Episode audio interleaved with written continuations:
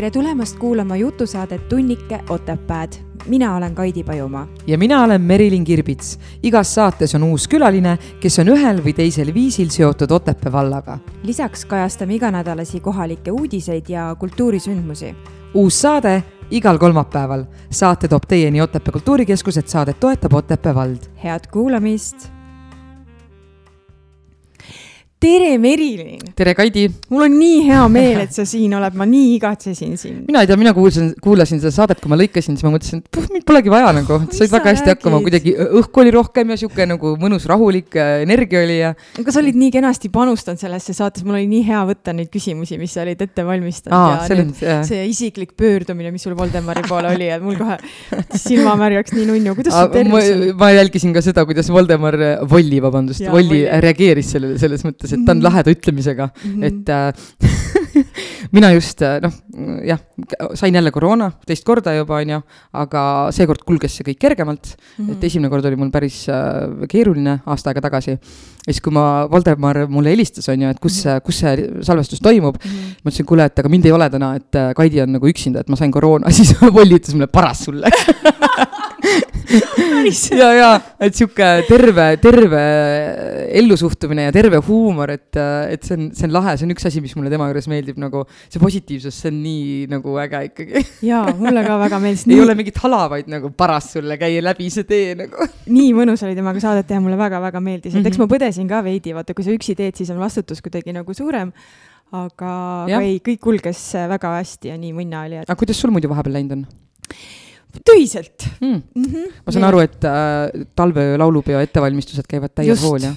magamata ööd ja mm? -hmm. ma olengi, ma olen nagu nii jõhkralt väsinud, lihtsalt kogu aeg on mingi pinge taga kuklas, sest äh, seekord on ju ka otseülekanne meil mm -hmm. ETV-s, nii et äh,, et ei ole ainult äh, Otepää kultuurikeskused ja Otepää vald nagu nii-öelda otsustajad, vaid sinna on kaasatud ka teised äh,. hästi palju osapooli nii-öelda, kellega tuleb arvestada, on ju. jah, et leida nagu see kompromiss, et kõik osapooled nagu oleksid rahul mm, -hmm. et, et see on mhm. selline mõnus äh, õppetund, kuidas kuidas aktsepteerida, arvestada ja, ja leida nagu parim viis. aga ma arvan, et see on lihtsalt Otepää jaoks väga äh,, äh, kuidas ma ütlen, see on hästi oluline tegelikult, et selline asi äh, läheb kuskile suuremale ekraanile mm. -hmm. et kindlasti see on suur väljakutse, aga samas äh, ma arvan, et äh, see on meile nagu väga kasulik ja hea.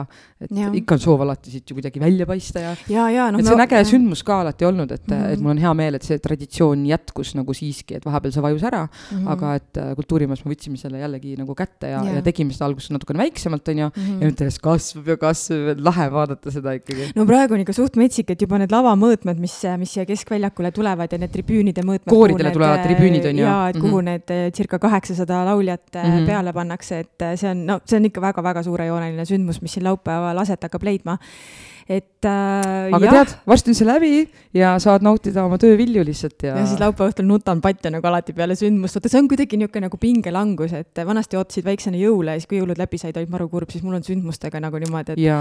alguses oled nii närvis, siis sel hetkel, kui see sündmus on, siis ei jõua millelegi muule mõelda.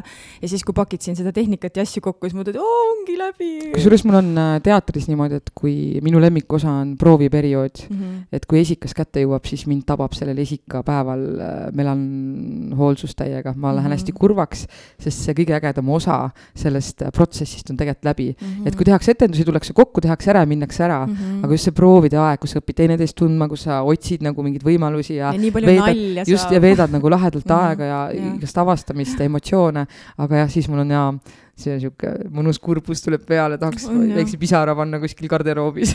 On jah, aga mis puudutab seda laulupidu veel, siis no hoiame hinge kinni, et, äh, et me saame seda ikkagi teha, praegu on nädal aega veel minna, et ei toimuks mingisuguseid väga suurejoonelisi nakatumisi veel, et, et tuleksid piirangud Tead, ja me ei saagi seda teha et.... enam ei muudan midagi ma loodan küll, ma loodan küll, et ei ole neljapäeva õhtul. see on välisündmus ka ja ma saame, arvan, et ei teki tegelikult küsimusi. saame uue kirja, et kuule, et ei, et äh, ikkagi ei tohi, nii et äh,. mõtleme positiivselt. mõtleme positiivselt, täpselt, suur ja... töö on ära tehtud mm, -hmm. et nüüd on ainult äh, lõpuspurt veel mm. -hmm aga kuule, mm, meil on üks inimene siin, istub meiega siin ruumis. tõsi, tõsi. kas sa teed sissejuhatuse ja siis hakkame temaga vestlema? meie tänane külaline on sündinud Siberis ja Eestis arstina töötanud kolmkümmend viis aastat. talle oh. väga meeldib töö inimestega, vabal ajal armastab lugeda, käia teatris, meeldib reisida, ujuda ja lillede maailm. tere tulemast saatesse, Tatjana Laadi tere, tänan teid kutsumast väga lahe, et sa olid nõus tulema, et meil on olnud tegelikult mhm. inimesi, kes äh, kardavad tulla et äh, nad ütlevad, neil pole midagi rääkida või mm, -hmm. aga tegelikult meie jaoks on oluline iga inimene, kes tegelikult Otepää vallas elab, et kuus äh, tuhat varianti inimesi valida et see ei ole ka lihtne selles mõttes nagu.. ja, ja, ja need, kes tunnevad, et oi, et miks meie poole ei ole veel pöördutud, siis me jõuame, me jõuame. ja kirjutage, kui te ja. tunnete, et äh, puudutatud, et teie poole pole pöördutud. et andke endast märku ja te saate saatesse. ja kusjuures mõned on ju kirjutanud ka ja ongi ja. varsti meil tulemas Just. üks äh, naisterahvas veel. aga Tatjana, räägi äh,, mis sa teed Otepää vallas, kes sa oled siin hmm,?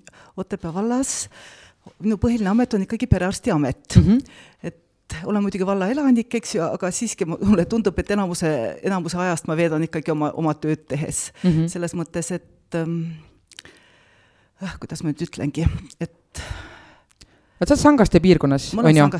Et selle Otepää Tervisekeskusega ei ole sul selles mõttes kokkupuudet? on ikka, on ikka. nii, mis kokkupuude see on teil? et Otepää Tervisekeskusega tegelikult noh, mul on nagu ütleme, põhimõtteliselt nagu erapraksis, aga me liitusime tegelikult kaks aastat tagasi juba, sellepärast kui keskust hakati ehitama mm, -hmm. sellepärast et olu, oli oluline noh, piirkonnas olevate arstide arv, kes on keskusega liitunud, et siis sai selle võrra noh, kas neid ruume ja mis iganes okay,, niisuguseid mm -hmm. noh, et seda tervisekeskust ikkagi aitas riik noh, rahastada selles yeah, mõttes mm, -hmm. et sellepärast just.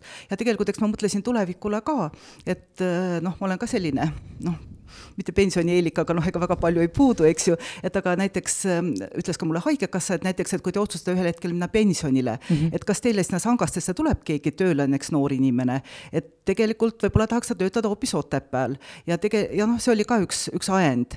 ja muidugi nagu tänu selle valdade liitumisele ka mm -hmm. on, meil nagu osad patsiendid elavad nagunii Otepääl ja või Otepää, no ütleme, Otepää on jälle lähemal kui Sangaste ja siis on neil muidugi lihtsam ka vastuvõtule tulla.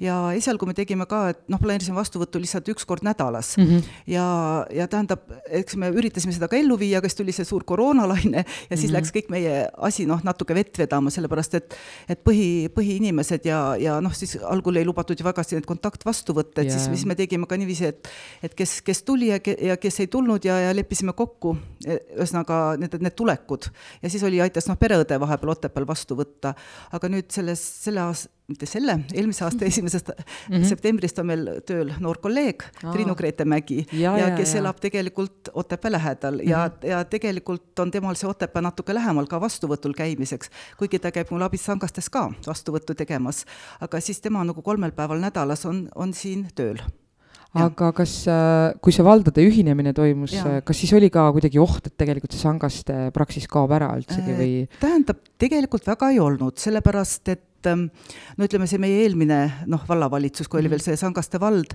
et oli tegelikult noh, huvitatud, et keskus jätkaks, sellepärast et kui oleks noh, tegelikult ja teine asi on ka see, et kuna ma olen eraettevõtja, siis mul on õigus neid ruume rentida, tähendab, et mm -hmm. otseselt noh, noh nagu keelata keegi ei saa, kui ma leian talle sobivad ruumid mm, -hmm. mida aktsepteerib, ütleme, Terviseamet, Haigekassa, võin ma töötada kus iganes tegelikult Aha, okay, selles mm -hmm. mõttes. aga teine asi, vald oli ka huvitatud sellepärast, et kui oleks noh, muidugi mugavam oleks mul Otepääl, et tulen, eks ju, olen kellast kellani, lähen koju mm -hmm. ja, ja ongi kõik. aga probleem on selles, et et kuidas need elanikud ja kuidas need inimesed siia vastuvõtule saavad, sest meil on tegelikult noh, Sangast on küll see endine vallakeskus, aga seal on ka ju need ütleme, mingi kahekümne kilomeetri ringis on inimesed, kes elavad kuskil kaugemal, osad elavad ju Puka pool, osad hoopis Valga pool mm -hmm. näiteks. ja et kuidas nad siis vastuvõtule saavad, et see oli see põhiline argument. ja, ja noh, vallavalitsus tookord sai aru ka, et kui nad peaksid hakkama inimesi transportima sinna vastuvõtule mm, -hmm. et see on ka ju tegelikult tõeline ettevõtmine. ma tean, et väga paljud maakeskused on kinni, praegu veel Pukas mingi osa osalise koormusega, noh, on, midagi, midagi on, aga seal on põhiliselt tegelikult töötab noh, pereõde okay.. arst vist käib kas üks-kaks päeva nädalas, kui noh, mida iganes, ühesõnaga väga vähe. ja rahval on väga raske, eriti vanematel inimestel, noh, keda keegi ei too näiteks või, või see bussiühendus, see ei ole ka ju alati nii hea. ja noh, inimesed ei ole lihtsalt võimelised niiviisi käima mm -hmm. ja, ja sellepärast on meil väga nagu hea, et see meie keskus ikkagi on alles. ja selles mõttes tean, et Valgas näiteks ei olegi vist jäänud Valga ümbrusse ühtegi niisugust keskust ja, ja noh, mul kolleegid küll, kes on läinud maalt sinna tööle, ütlevad küll, et näed, hea, et sul on kõik asjad käepärast, et labor ja röntgen ja mis iganes ultraheli, et sul on kõik aga, olemas? sul on kõik seal, ei, minul ei ole tegelikult, aga asi on lihtsalt selles, et, et ma ei, ma ei pea tegema iga päev ultraheli näiteks mm, -hmm. iga päev ei pea tegema röntgenit, need on tegelikult sellised uuringud, mida noh, ei, ei ole vaja ju niiviisi, et püsivalt. ja, ja samas on niiviisi, et noh, ja, ja me saame, aga meil on ka niisugune väike labor on meil, saame teha need, ütleme näiteks, kui me selle südamefilmi saame ära teha, siis ütleme, niisugune vereanalüüsid, lihtsamad need põletikuproovid, veresuhkru, uriini, näiteks kõik need hü-, noh, ütleme, üks on niisugune hüübimisuuring, et mida saab ka veel teha. ja teine asi on, meil käib ka Tartu Synlab, käib niiviisi, et kolm korda mm -hmm. nädalas käib analüüse, noh, ühesõnaga tuleb oma ringiga ja siis korjab meie analüüsid ära ja nüüd tegelikult nüüd sellest nädalast peakski algama, niiviisi nad käivad praktiliselt iga päev. nii et see on meil nagu super, et noh, seal ütleme maakoha suhtes. tead, kui nendest äh, testi mm, -hmm. testimisest juttu, siis tuleb kohe koroona mm -hmm. meelde ja ma mõtlen mm -hmm. seda, et äh, et tegelikult meie saame testida põhimõtteliselt vist Tartus on ju, aga ma ei tea, kas Valgas on ka või? ei, Valgas on ka testimine, jah. tegelikult ja. ükskõik milline vana inimene ja, peab tegelikult ja. selle koroonatesti jaoks minema, et kui palju nad üldse tegelikult jõuavad sinna testima?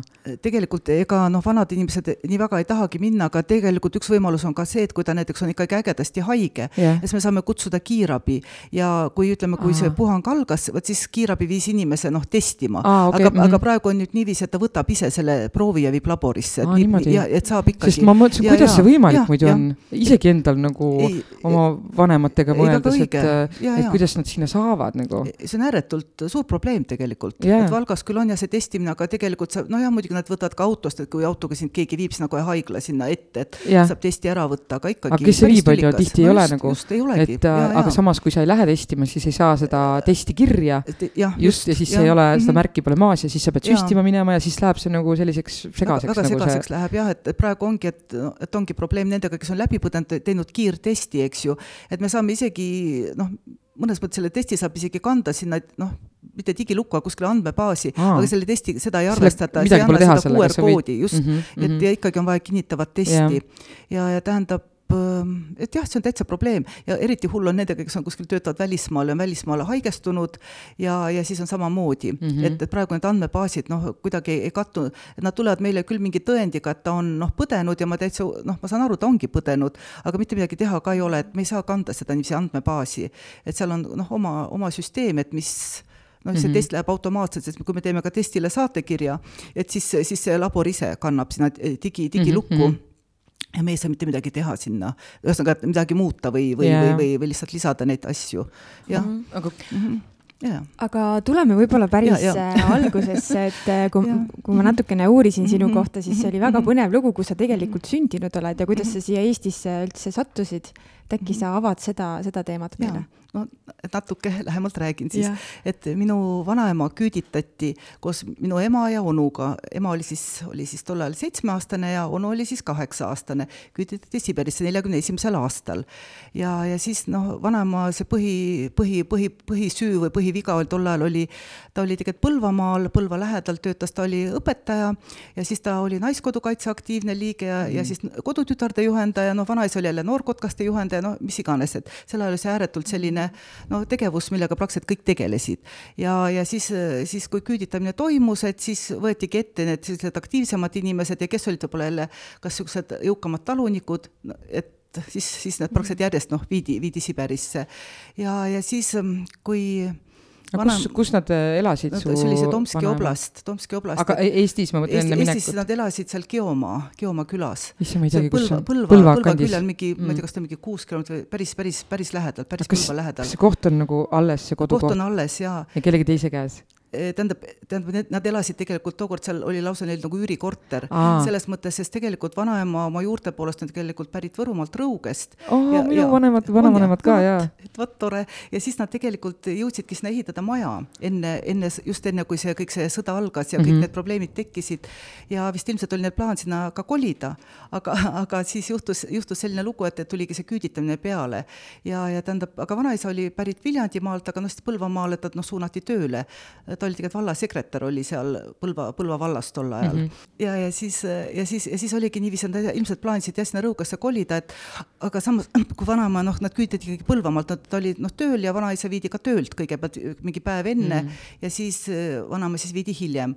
ja, ja mis ma tahtsingi öelda, et, et vanaema kasvatas ka oma õetütart kes oli tol ajal niisugune neljateistaastane tütarlaps, noh, õde oli surnud ja, ja, ja õemees samuti ja see tüdruk käis tegelikult räpina koolis mm.. ja, ja, ja siis oligi niiviisi, ta oli sel ajal koolis, kui küüditamine toimus, nii et, et ühesõnaga, kui ta ükskord siis sealt koolist nii-öelda tuli, siis ta jäigi sinna vanaema majja elama. sest keegi ei teadnud, et ta olemas on nende keegi peres keegi ei teadnud ja, ja seda, seda nagu keegi ei osanud nagu otsida. aga temaga on kontakt siiamaani olemas ju? temaga on selles mõttes kontakt, et ta lihtsalt on ka eakas proua, ta on yeah. tegelikult surnud, aga, aga tema pere, ütleme, tema, tema poeg elabki seal majas edasi ja, nii et ühesõnaga, kui vanaema küüditati, ilmselt selle majaga, noh, ei oskagi öelda, oleks ta kas ära lagunenud või mm -hmm. oleks kedagi sinna paiga, paigutatud. nii et neljateistaastane tüdruk hakkas üksi elanda, elama majas? sisuliselt jah, jah, ja siis ta oli ta oli tegelikult jah, et ja siis ta lihtsalt elaski, no käis koolis ja siis ta no lõpuks abiellus ja siis oma perega noh, koliski sinna ja siis ja siiamaani ja siis, kui me Siberist noh, tagasi tulime kuuekümne üheksandal aastal,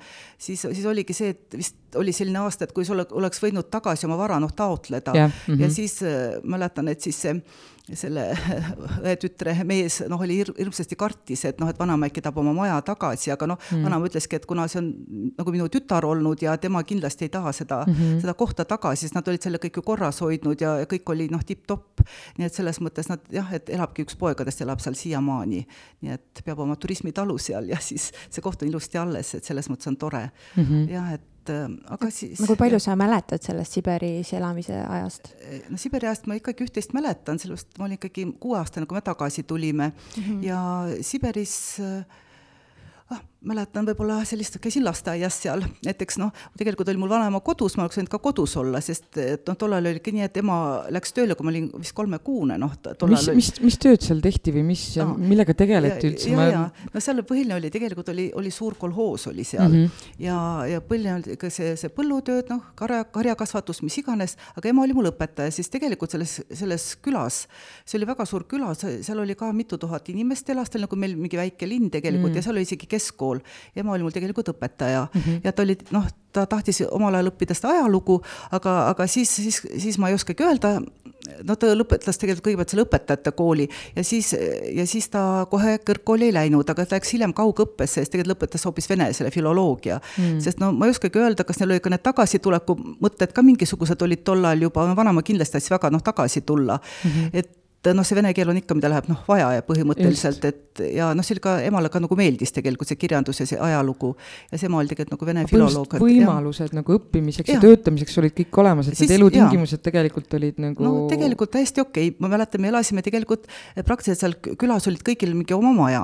ja, ja meil oli ka selline noh, mingi tavaline, tavaline maja ja siis äh, seal noh, vaata mingeid mugavusi ei olnud, eks ju, selles mõttes, et aga, aga, aga mingi väike saun ja, ja siis, siis oli, et ütleme nagu see külaühiskond, et meil, ma mäletan, naabrid olid üks saks-, nagu Volga sakslased, kes olid küüditatud Volga äärest, nad sõja ajal mm -hmm. sinna, sinna Siberisse. et need olid ääretult ka niisugused toredad inimesed ja nagu väga hästi suheldi omavahel. ja, ja alati, kui mingid üritused, sündmused, alati noh, peeti kõik koos ja siis näiteks Siberis ma mäletan ka seda, et et, et ema ka, kui ta oli õpetaja, siis noh, võttis meid vahepeal kooli kaasa. et noh, teinekord lihtsalt mm, -hmm. lihtsalt nagu huvi pärast, siis mu meelest oli see nii huvitav alati seal koolis olla ja siis, siis koolis olid ka need nääripeod tol ajal ja siis, siis, siis mul nii meeles, kuidas ma mingit luuletust pidin lugema, kui kohutavalt ma kartsin seal tegelikult selle noh, kooli ees või seal mm -hmm. ja kui, ja samas, kui tore see kõik oli. ja lasteaeda mäletan ka, et, et meil oli hästi tore kasvataja ja, ja selline ja siis noh, kuidagi, et tegelikult lapsepõlv oli tegelikult ilus, selles mõttes, et mina ju noh, sündisin kuuskümmend kolm, ütleme, see oli ikka eh, juba kõik suur, suur rahu ja, ja mm, -hmm. ja kõik asjad olid nagu nad olid. ja selles mõttes, et vot ega ei osanud ju seda puudust ka ju väga millestki tunda, sest et mm, -hmm. et noh, kuna ei olnud ju kogemust varasemaga selles mõttes, aga nagu ütle, süüa oli kõike. et inimesed tähendab, tegelikult ei tundnud ennast halvasti. inimesed ei tundnud nagu... halvasti, inimesed olid leppinud, ma arvan, et kõik see sõja, sõda ja kõik sellejärgsed ajad olid tegelikult selleks ajaks juba möödas. aga sõjal oli muidugi kohutavalt raske, sest noh,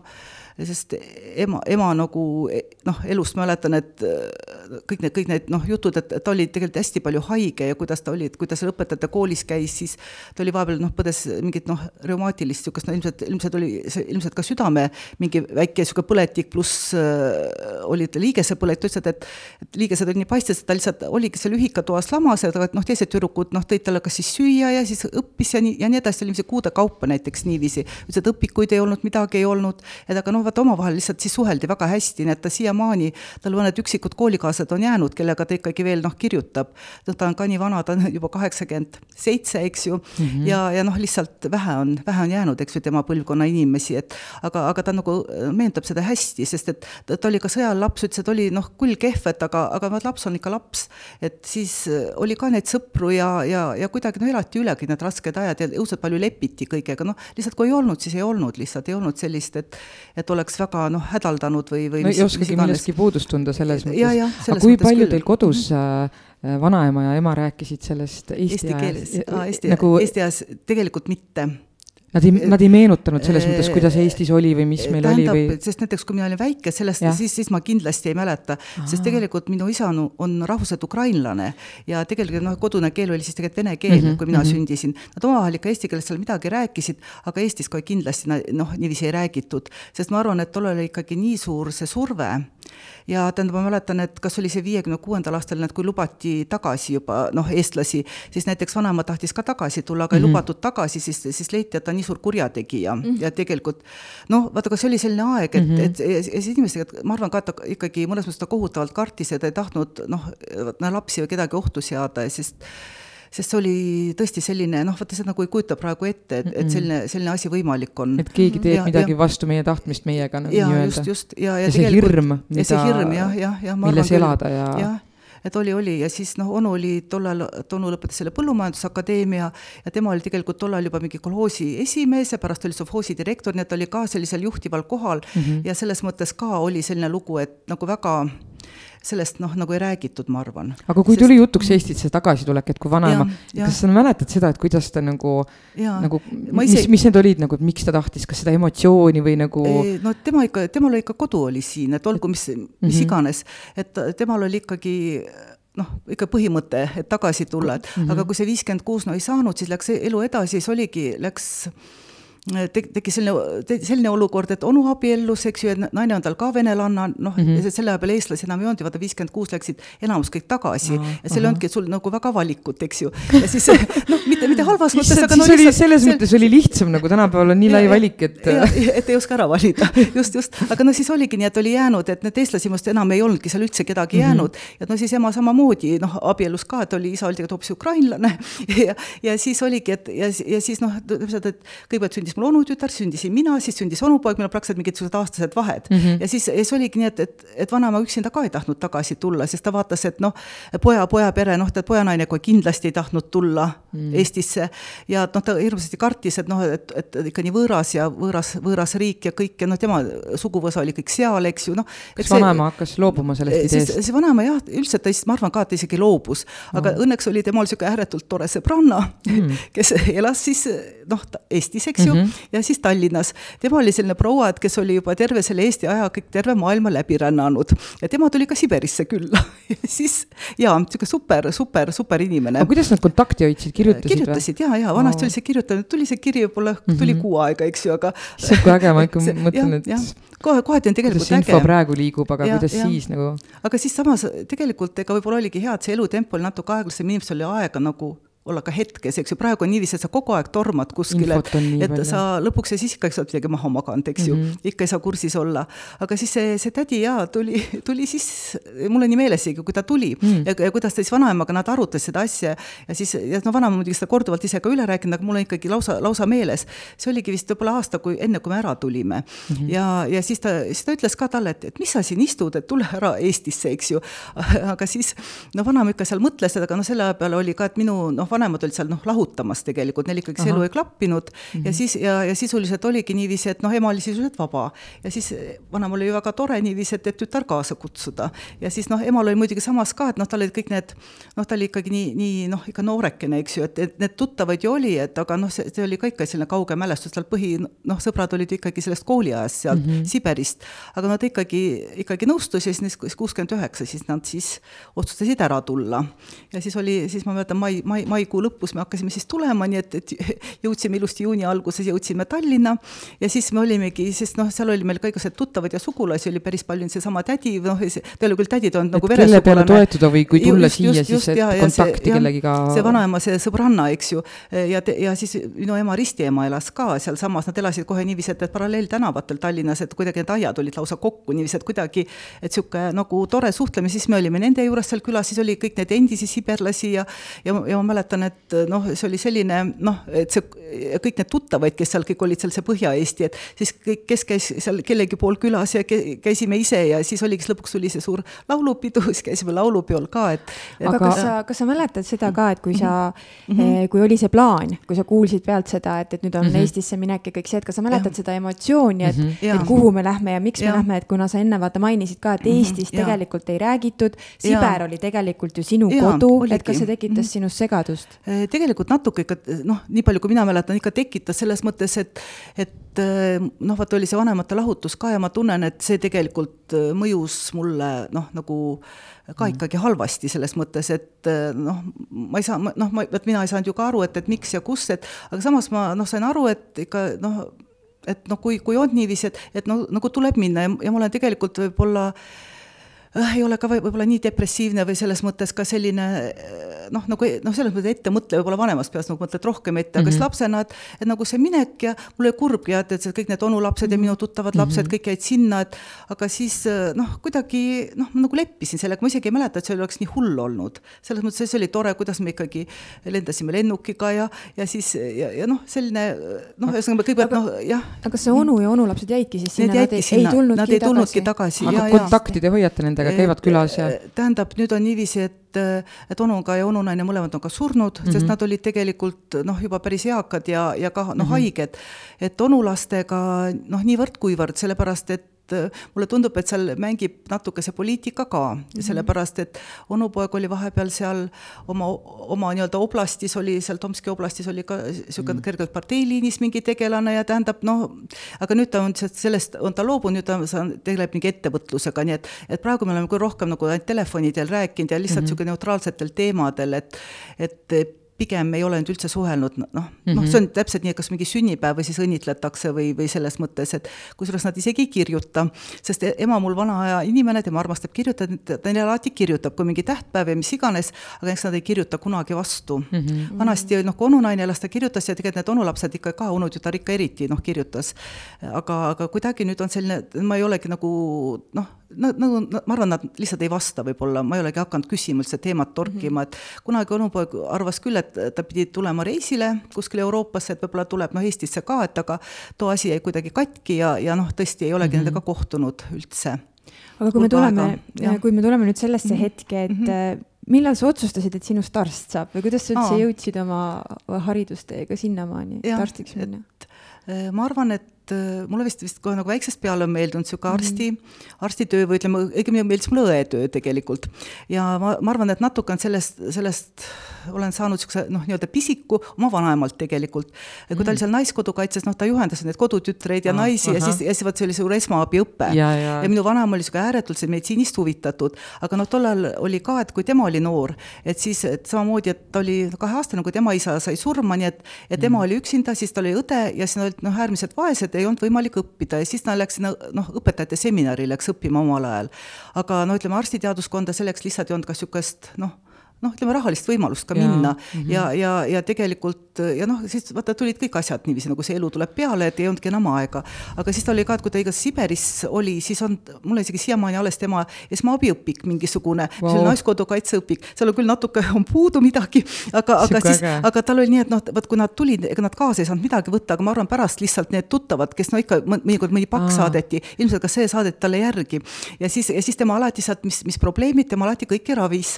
ja siis noh, meie perest näiteks ja, ja ma usun, tuttavaid ka kindlasti andis mingit nõu, ta oli ääretult niisugune korrektne, et, et mul on nii meeles, kui ma haige olin, kui me siin ka siin Eestis olime, siis temal alati ikka üles kirjutatud, et temperatuurid, et palavikukraadis umbes kolm korda päevas kõik üles, üles kirjutad, siis ta alati, kui noh, mingi lastearstiga seal nõu pidas, et no vanasti ka, et no ma ei tea, mul vist elus ükskord vast on käinud arst kodus, aga, aga mitte, lihtsalt käisime ise kohal mm. -hmm. aga, aga siis tema alati pidas nõu ja oli väga selline korrektne ja kuidagi ma arvan, et sellest äkki on tekkinud mingi Kindlasti see asi. mõjutus tulnud. ja, ja, jah, ja siis mul tekkis jah, lapsena ma kogu aeg mängisin kõik need, niisugused arstimänge, ma mängisin ka haiglat kogu aeg, mul oli ikka mingisugune suur raamat, kus olid ka kõik need haigete, kõik, kõik mänguasjad olid kõik oma, oma nimedega olid kirjas, patsiendid ja mis, mis kellelgi viga on ja, ja siis, ja siis ravisin, no teine mäng oli see koolimäng ka muidugi, et kooli mm -hmm. mängisin ka, et ema, ema ikka ütles mulle, et algul ma tahtsin meditsiinikooli minna mm, -hmm. aga siis noh, ma läksin kuueselt kooli ja, ja siis noh, kui me siia Eestisse tulime, sest see eesti keel oli nii, et ma pole üksikud, üksikuid sõnu teadsin, ma ei osanud ju tegelikult okay., no suve jooksul ma ikka õppisin ühte-teist, et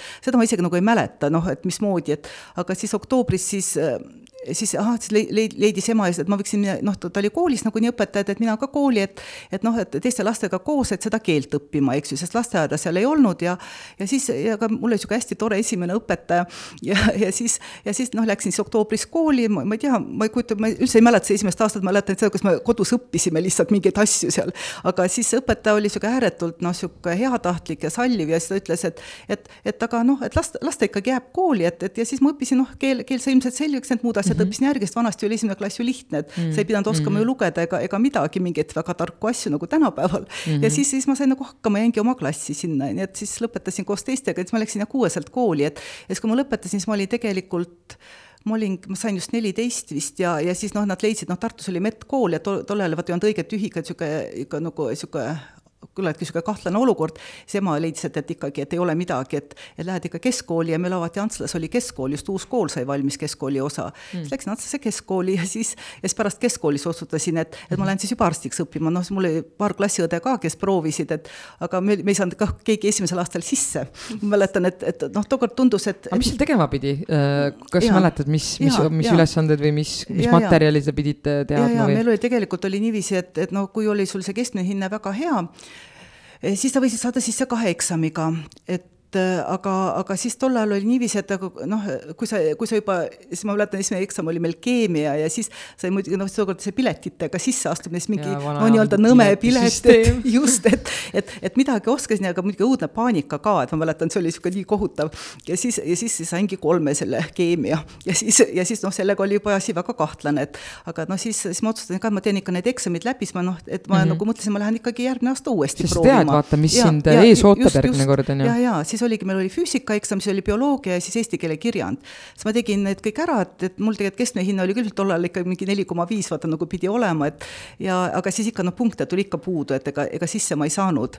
ja, ja siis, aga siis ma käisin, siis esi-, siis käisin ühe aasta tööl, käisin seal selles Tartu selles stomatoloogia polikliinikus olin nagu hambaravi assistent mm.. selles mõttes, et tollal oli noh, lihtsalt ma mäletan, kui ma sisse ei saanud, siis ma läksin, lugesin seal tööpakkumisi, vaat seal oli kohe noh, ülikoolis no, tavainimene tänavalt sai minna sinna. jah, sest wow., sest tollal oli väga lihtne. vaata, praegu on hästi peened asjad ja nii ja. edasi, aga tegelikult meid koolitati kohe sealsamas välja. üks no, plomm kõigile ja mitte, no mitte, mitte ka päris, aga tegelikult, et mul oli samamoodi, et ma olin noh, sattusin lasteosakonda sinna hambaravi polikliinikusse ja, ja siis, no siis ma olingi niiviisi, et tavaliselt oli kolm arsti korraga tööl ja tavaliselt oli kaks õde ja siis, siis pididki tegema neile kõik need, need plommid näiteks, et noh, õpetati ära, tegelikult see ei olnud üldse ka nii keeruline. aga mõtle, see oli ja. sinu esimene kokkupuude tegelikult, kui sa olid nagu arsti poolel nii-öelda, nende, kas sa mäletad nagu, mis, kas, mis tunde see sulle tekitas või mäletad sa seda emotsiooni, kui sa esimest päeva tööle läksid või?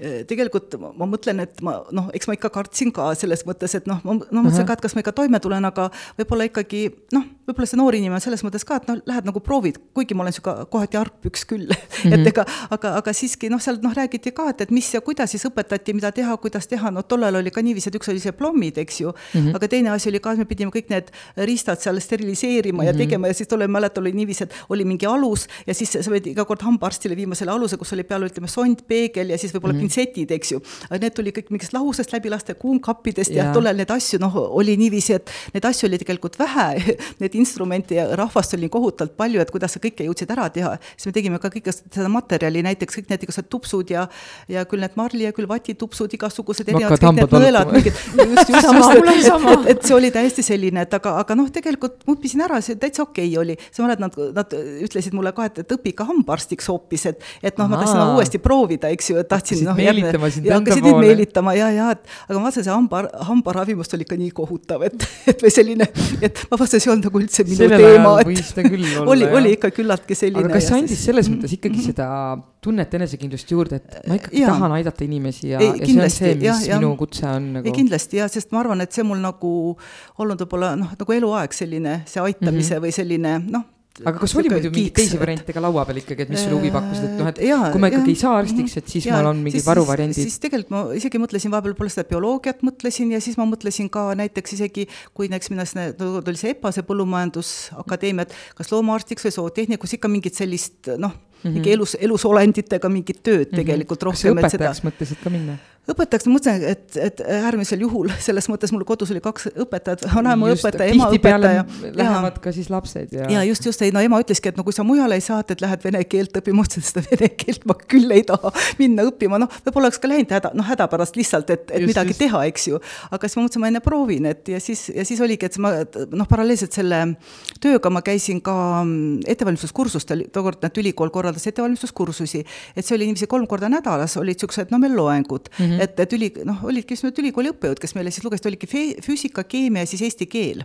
et mida me saime ja see oli ääretult tore, et, et mulle see meeldis, sest füüsika oli mul niisugune nõrk koht ja siis mm, -hmm. ja siis aga see füüsika sain ka ikka selgeks ja, ja, ja selle keemia ka ja siis, kui ma teine aasta sisse astusin, siis ma saingi kahe eksamiga sisse wow.. ma sain füüsika ära ja keemia, füüsika sain isegi tookord lausa viies, tookord oli test ja see oli nagu noh, nagu ma sain nagu keskenduda. vaata niisugune, niisugune esinemine ja selline asi ei ole minul nagu niisugune kõige kõvem sõna mm, et mhm. ja siis see oli väga hea, siis sai nagu rahulikult ja keemia oli noh, juba noh, keemia mulle tegelikult noh, omal ajal meeldis ka tegelikult, aga noh, vot see ongi, et oleneb väga palju juhusest, jah. Ja, aga kui sa mm -hmm. nii-öelda inimestega tegeled ja inimesi ja, vastu võtad ja, ja mm -hmm. siis noh, see ei ole nagu esinemine, aga see on ka suhtlemine, kas, kuidas sa nagu äh, seal nagu ennast tunned või mis sa selle, kas sul ja. tekib ka selline väike hirm, et sa ei tea ju kunagi, milline see inimene on, mis mhm, tujus ta on, mhm, kuidas ta mhm. minuga käitub võib-olla?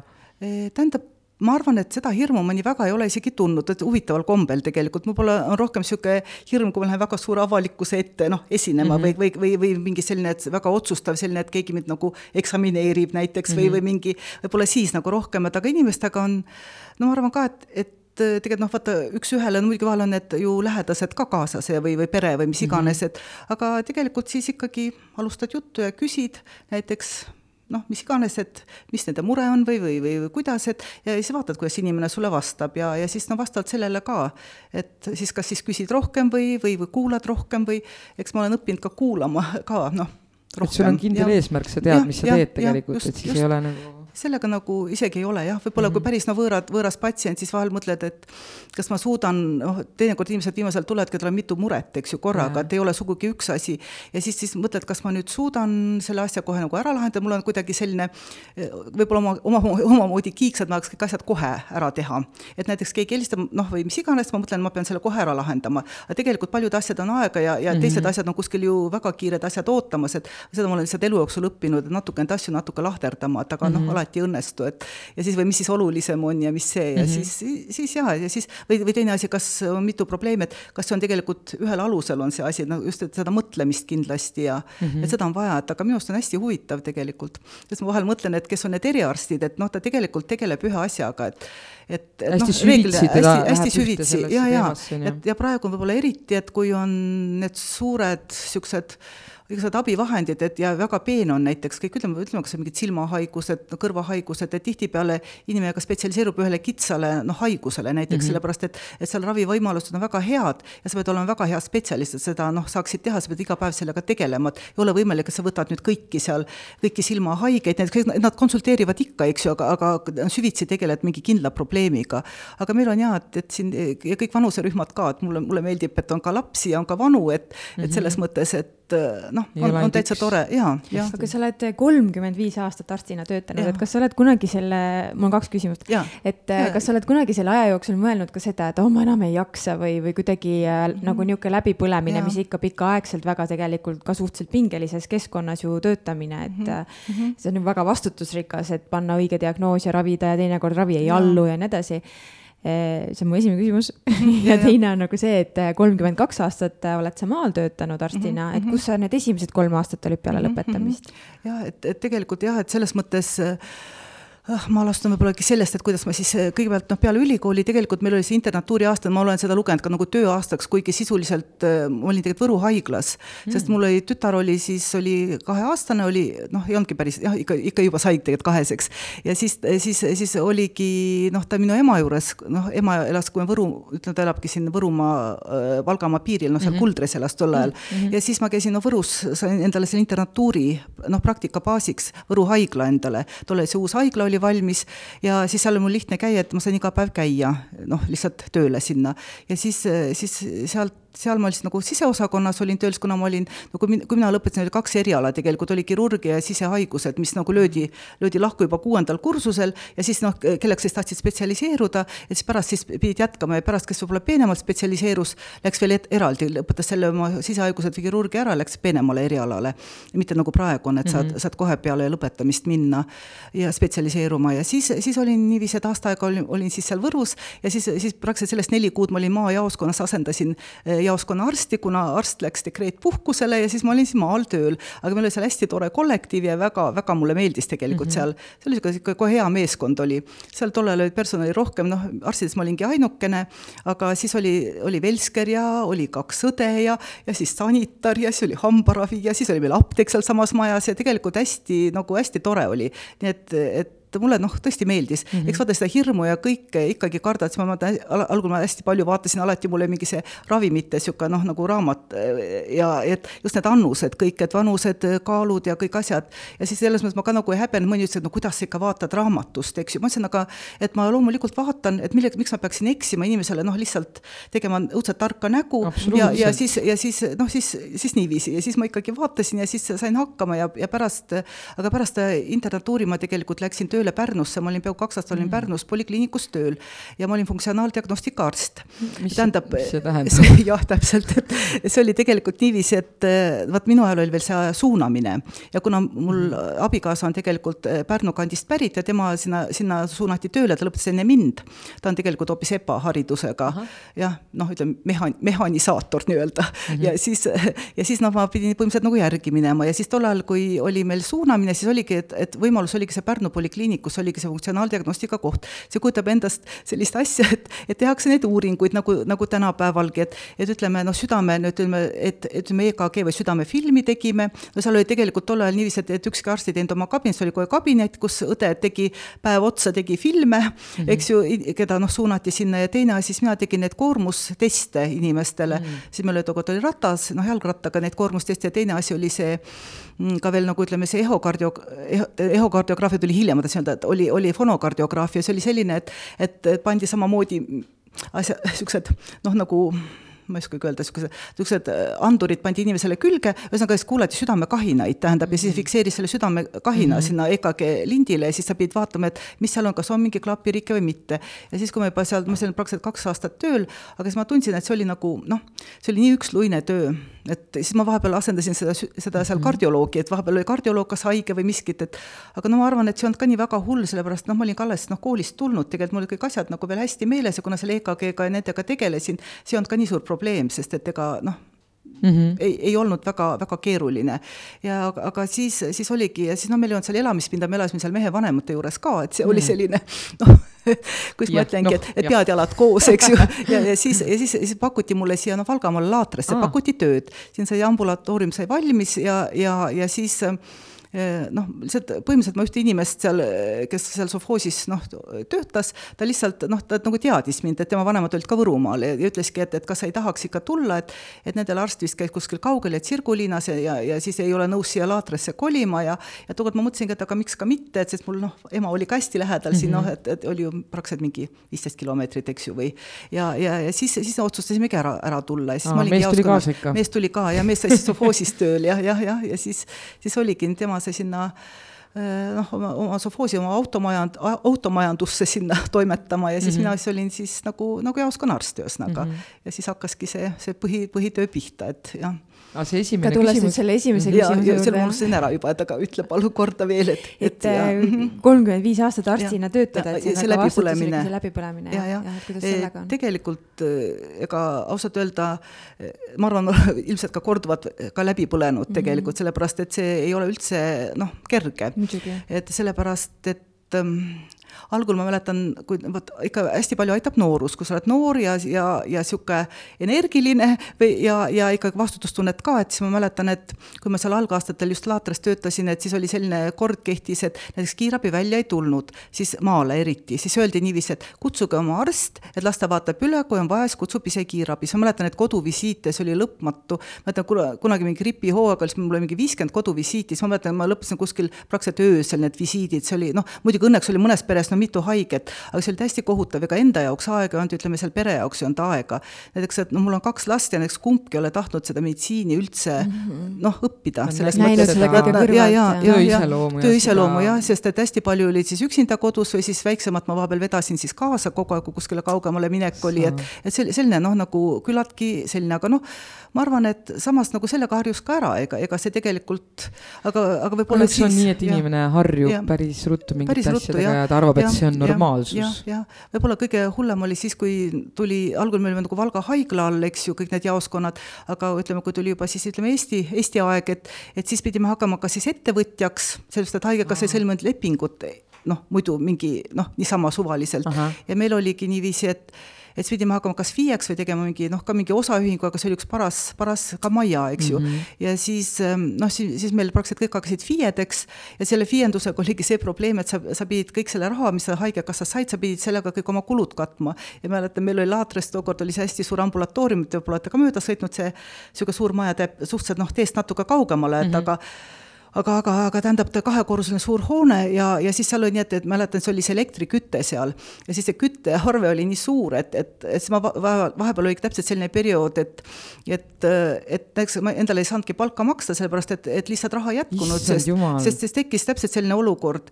noh, ma ütlen, mitte, mitte. aga keegi... kuidas need inimesed oleks saanud muidu siis abi saada, kui teid no, poleks olnud? tähendab, aga nagu, see oli, see, see, nagu... see ongi see, see mitte missioonitunne või ma ei oskagi öelda, et noh, tollal olid ka sellest nii-öelda Nõukogude ühiskonnast tulnud, et see oli see kohus, et sa pead, eks ju ja, ja oligi kõik niiviisi ja pärast kõik see viienduse aeg oligi niiviisi, kõik need olmekulud olid nii, nii suured teinekord. see küttearve on praegu väga teema ka praegu on ka jälle teema ja just, just, aga noh, need on praegu, et ütleme siin Sangastes hakkas ka vald ikka toetama ja siis lõpuks noh, oligi, ma käisin vahepeal kahe koha vahet kolm aastat, nii et olin Laatris, olin Sangastes ka, et aga siis ma lõpuks otsustasin, ma pean ikkagi ühest kohast loobuma ja, ja kuna Sangaste mm -hmm. ka meeldis rohkem ja, ja tähendab, ta oli mul ütleme ema, ema kodule nagu lähemal, et siis mm -hmm. ma otsustasin ka, et, et kolime siis siia ja, ja siis noh, mees juba sel ajal juba käis Tartus tööl, tegelikult et ei olnud üldse vahet, et kus, mm, kus, ta siis käib ja, ja mismoodi ja, ja siis ma tulingi siia, et aga ikka tekib, sest vahepeal just nimelt, et ma arvan, isegi see tavaline see inimeste vastuvõtt ja see töö on noh, see tavaline töö, inimestega suhtlemine, see on võib-olla kõige meeldivam osa, tegelikult see võib-olla üldse sind nii ei põleta läbi, kui kui on pigem need asjad, kas on kõik need paberimajandus, kõik need vahepeal käivad ju igasugused kontrollid. asjaajamine või? asjaajamine ja tegelikult ja see vastutus ka, et sul see asi Just. toimiks mm, -hmm. sest meil on ka ju kontrolle, Terviseamet, Haigekassa, kus sul midagi ei klapi, miskit asja, ja sa pead selle nagu töö kõrvalt saama need asjad ka tehtud, see on see kõige hullem minu Just, meelest. kui sa saaks teha ainult oma arstitööd, on ju, kui sa ei peaks tegelema ja, selle asjaajamisega, oleks hoopis teine tera, on ju. aga kui palju sul patsiente on üldse kokku, kas sa tead umbes? jah, patsiente peaks olema kuskil mingi kaks tuhat kakssada vist praeguse seisuga. ma räägin ja, aga õnneks mul on Triinu Grete ka, et, et siis on meil noh, toredam. ja mul on muidugi kaks hästi tublit õde, kes on mõlemad on tegelikult eelnevalt Velskri haridusega, nad noh, nad tegelikult saa-, võtavad ka neid haigeid vastu, ega ma tunnengi, meil oleks vaja veel kedagi, kuigi tervisekeskuses meil praegu on ka õde poole kohaga, aga noh, kuna siin vastuvõtt on noh, noh natuke väike, vaat me ei ole suutnud seda niiviisi ära organiseerida, et et siis põhikoormus ikka langeb sinna nii-öelda sangaste õdedele mm -hmm. ka mhm. ja, ja noh, ja aga sinna, kas te ja. teete praegu ka neid koduvisiite vajadusel või kas on niisugune üldse teema praegu? tähendab te,, tegelikult teeme ikka, aga me teeme võimalikult vähe, selles, selles mõttes, et kui tõesti inimene mitte kuidagi ei saa, aga teinekord, kui ta ikkagi vähegi on noh, transporditav, on lihtsam, kui tuleb keskusesse, me saame tal mingid põhiasjad ära teha no,. et mm. näiteks noh, kasvõi mingid uuringud, asjad, aga hädapärast saab kodus ka muidugi. mina olen nagu ja. natuke nukker, sellepärast et neid mm. koduvisiite ei tehtud, kui mul esimene laps oli seal ja. aastane või kahe, noh nüüd ta on mm. seitse mm, -hmm. siis minu meelest hakkas ära just jääma ja. see mm -hmm. koduvisiidid mm -hmm. ja minu jaoks oli see nagu nii harjumatu, et noh, kui mina ise väike olin, alati tuli arst ja, koju ja, ja nüüd ja. oligi, et lapsel on kolmkümmend kaheksa, seitse palaviga, võta paratsetamooliga või mm, -hmm. või millegagi mm -hmm. alla tule kohale, et kuidagi see tundus nagu noh, eriti kui talv ja. ka, et et laps on seal ja, pikali, eks ju, kõrges palavikus, tirin tal selle palaviku alla, topin riidesse, siis hoiad, et see mhm, auto mm -hmm. jumala eest soe oleks, siis istud seal kabinetis ja ootad seda, et noh, et ja, miks ja. neid koduvisiite, et see on lihtsalt nagu majanduslikel põhjustel või miks seda aga nagu väga ei tehta? ongi see, et tegelikult mm -hmm. kui on lapsele vaja teha mingisuguseid uuringuid seal, siis kodus sa ei saa, sa võib-olla kuulad teda no, ja mis iganes, aga nagu. mingid äh, külmetushaigused lihtsalt, et noh, või kui palju neid uuringuid ma ei tea, et ma oma poistele oleks väga palju nagu. sina ei tea, aga arst teab ei, selge, aga tegelikult ei, ma saan täiesti aru mm -hmm. sellest, sellepärast et ega, ega endalgi on, vaata, kuna olen harjunud ka neid, noh, vanasti neid visiite tegema, eks ju, hästi palju, et ikkagi on hea nagu üle vaadata mm. -hmm. aga teinekord, kuna ma olen nii palju ka töötanud, siis teinekord ma juba noh, vaat kui näiteks kas ema helistab, et, et laps on haige, mis, mis mured on, et siis ma tegelikult nagu saan aru, et kui raske see asi on mm, -hmm. kui mhm, keeruline see mhm. asi on, et siis vahel on ka niiviisi, et, et lihtsalt noh, meil ongi need, kuna seda noh, seda tööd on vahepeal nii palju, et see vastuvõtt lõpeb ära, siis hakkad vastama nendele telefonikõnedele, meilidele. eks mul praktiliselt vaatasingi, et laupäeval, pühapäeval oli vähemalt mingi kümme meili, kellel oli jälle midagi viga, eks ju mm. -hmm. ja siis ma vaatasingi, et ma lihtsalt, ma, ma täitsa ei lugenudki üldse oma meilikat enne kui pühapäeva õhtul ja siis ma vaatasin üles ja siis üle, mis on ja siis hommikul tööle tulles ma hakkasin kiiremaid asju lahendama, et et lihtsalt, vot lihtsalt füüsiliselt ei jõua, võib-olla see mm, -hmm. meil on seda rahvast väga palju, varem oli ikkagi rahvast vähem mm, -hmm. siis kindlasti jõudis ka paremini ja muidugi, et häda, hädapärast ikkagi noh, käiakse, aga teinekord annad noh, kas emale nõu, et vot natukene on see, et praegu on see kiirabi ka kättesaadav, vanasti oli see kiirabi ei tulnud isegi mhm. laste juurde, siis ma mäletan, siis me, need lapsed küll käisime alati läbi, et ikkagi sellepärast, et ikkagi oli mure. ja teinekord, kui on niisugune tavaline viirushaigus, midagi erilist ei ole, et siis tegelikult me ei sunni ka välja tulema mm, -hmm. sest ei mhm. ole ju mingit mõtet. kui on viirushaigus, noh näiteks esimene kolm päeva võiks laps tegelikult olla täiesti kodus, et saabki kas palaviku alandajad või on tal mingi köha või ütleme, või mingi oksendamine kõhulahtus mm, -hmm. siis peab mhm. lihtsalt vaatama, olema, kui vana laps on ja mm, -hmm. ja kuidas tal see seisund on, et siis nagu selle, sellele vastavalt käituma. aga siis lihtsalt kutsume neid natuke hiljem ja kui näiteks tal on tekkinud mingi niisugune bakteriaalne põletik, eh, siis on mõistlik seda teha näiteks näpu otsa seda põletikuproovi või uriiniproovi või mis iganes või mm -hmm. ja, ja teinekord me oleme saanud ka nii, et lihtsalt ongi, kui mingi tundub, et mingi urineerimisprobleem, et siis lihtsalt palume noh, tuua analüüs, kohe mm -hmm. me mhm. saame noh, omal koha peal kohe ära teha mm, -hmm. mis iganes. jah ja,, selle ja. kiirabi väljatulemisega jah ja,, mul on ka endal hästi ja, mitu ja, sellist mm -hmm. ebameeldivat äh, kokkupuudet, et just, et kas mm -hmm. oli seoses nagu mu enda vanavanematega mm -hmm. või siis mm -hmm. toonase elukaaslasega, et et see oli ikka päris hirmus, et kui täismees on pikali maas ja karjub valudes ja kiirabi ütleb, et andke talle valuvaigistit, et kohale ei tule. et siis ei teadnud mm -hmm. nagu, et kelle poole ma veel mm -hmm. pöörduma pean või siis oli lõpuks kolm tundi nagu möödas ja ma helistasin uuesti, et noh, et ja. mis nagu toimub oh,, meil tuli mingi teine väljakutse vahele, et mis tundus nagu noh, mhm. äkilisem ja, ja, ja, ja olulisem, et et see on jah, kuidagi nagu tee muudkui mhm. selgeks, eks ju, et sa oled ja. ka inimene ja oluline. ma tean seda tunnet tegelikult väga hästi, sest algul noh, algaastatel, kui ma töötasin, kui ma olin noh, praktiliselt üksinda, sest mul läks noh to, toonane Velsker läks ka, ta elas kaugemal, tema noh, sõitis ära noh, mingi kell ikka, siis ma olin noh, kõik need õhtud ja ööd niiviisi, et kui olid need koduvisiidid ja lähen, lähen siis vaatan, tõesti inimene vajabki mingit abi, kiirabi, helistan sinna, eks ju, kiirabi näiteks ei suvatsegi näiteks välja tulla, oli täitsa mhm. selline olukord ja siis öeldi mulle näiteks, et helistage haiglasse ette, kas neil kohta on.